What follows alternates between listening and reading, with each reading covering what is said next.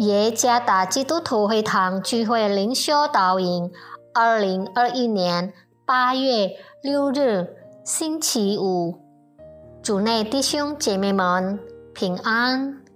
今天的灵修导引，我们会借着圣经罗马书第七章第六节来思想今天的主题：已经自由了。作者。洪祖茂牧师，罗马书第七章第六节。但我们既然在捆我们的律法上死了，现今就脱离了律法，叫我们服侍主，要按着心灵、心灵或者圣灵的信仰，不按着遗文的旧样。一九四五年。八月十七日，苏加诺哈达在雅加达宣布印度尼西亚共和国独立。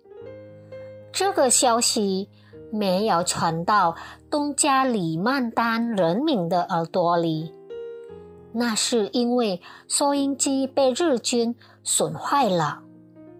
人们无法透过媒体听到来自东加里曼丹以外的信息。当地历史学家穆罕默德萨里普穆罕默萨里在周一二零二零年八月十七日向 Compass.com 描述独立开始时东加里曼丹的情况时说：“公告发布之时，作为当时政府中心的三马林达爵士依然紧张。”大多数居民仍在逃往伦巴给地区的三马林达郊区，因为盟军飞机经常飞过盖世的上空，射击和投掷炸弹。由于盟军自一九四二年二月三日以来对占领三马林达的日本人的袭击。市中心的许多住宅区被烧毁。一九四五年九月十九日，或一个月后，东加里曼丹的人民才听到有关独立的消息。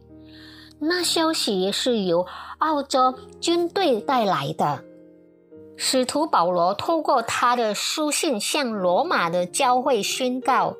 他们已经从律法的奴役中得到释放。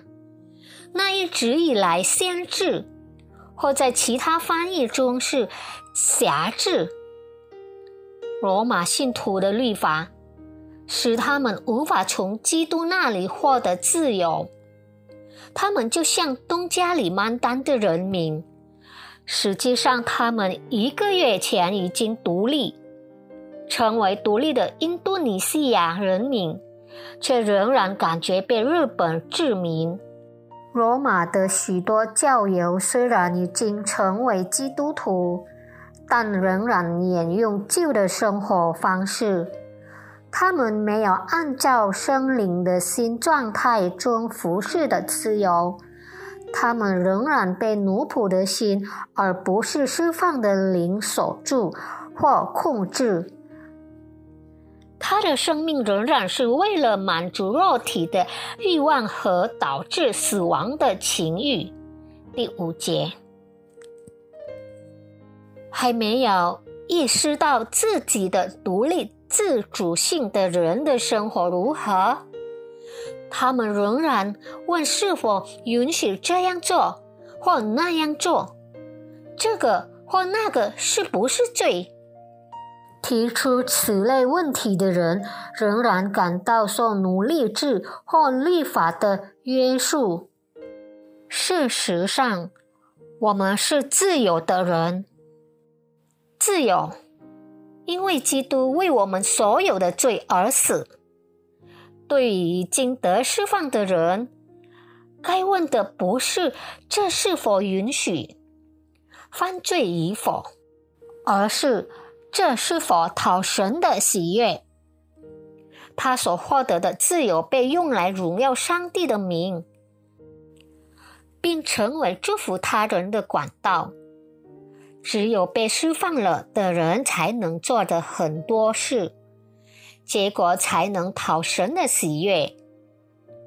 渴望透过服从上帝来取悦上帝，不仅仅是遵循是否服从的规则。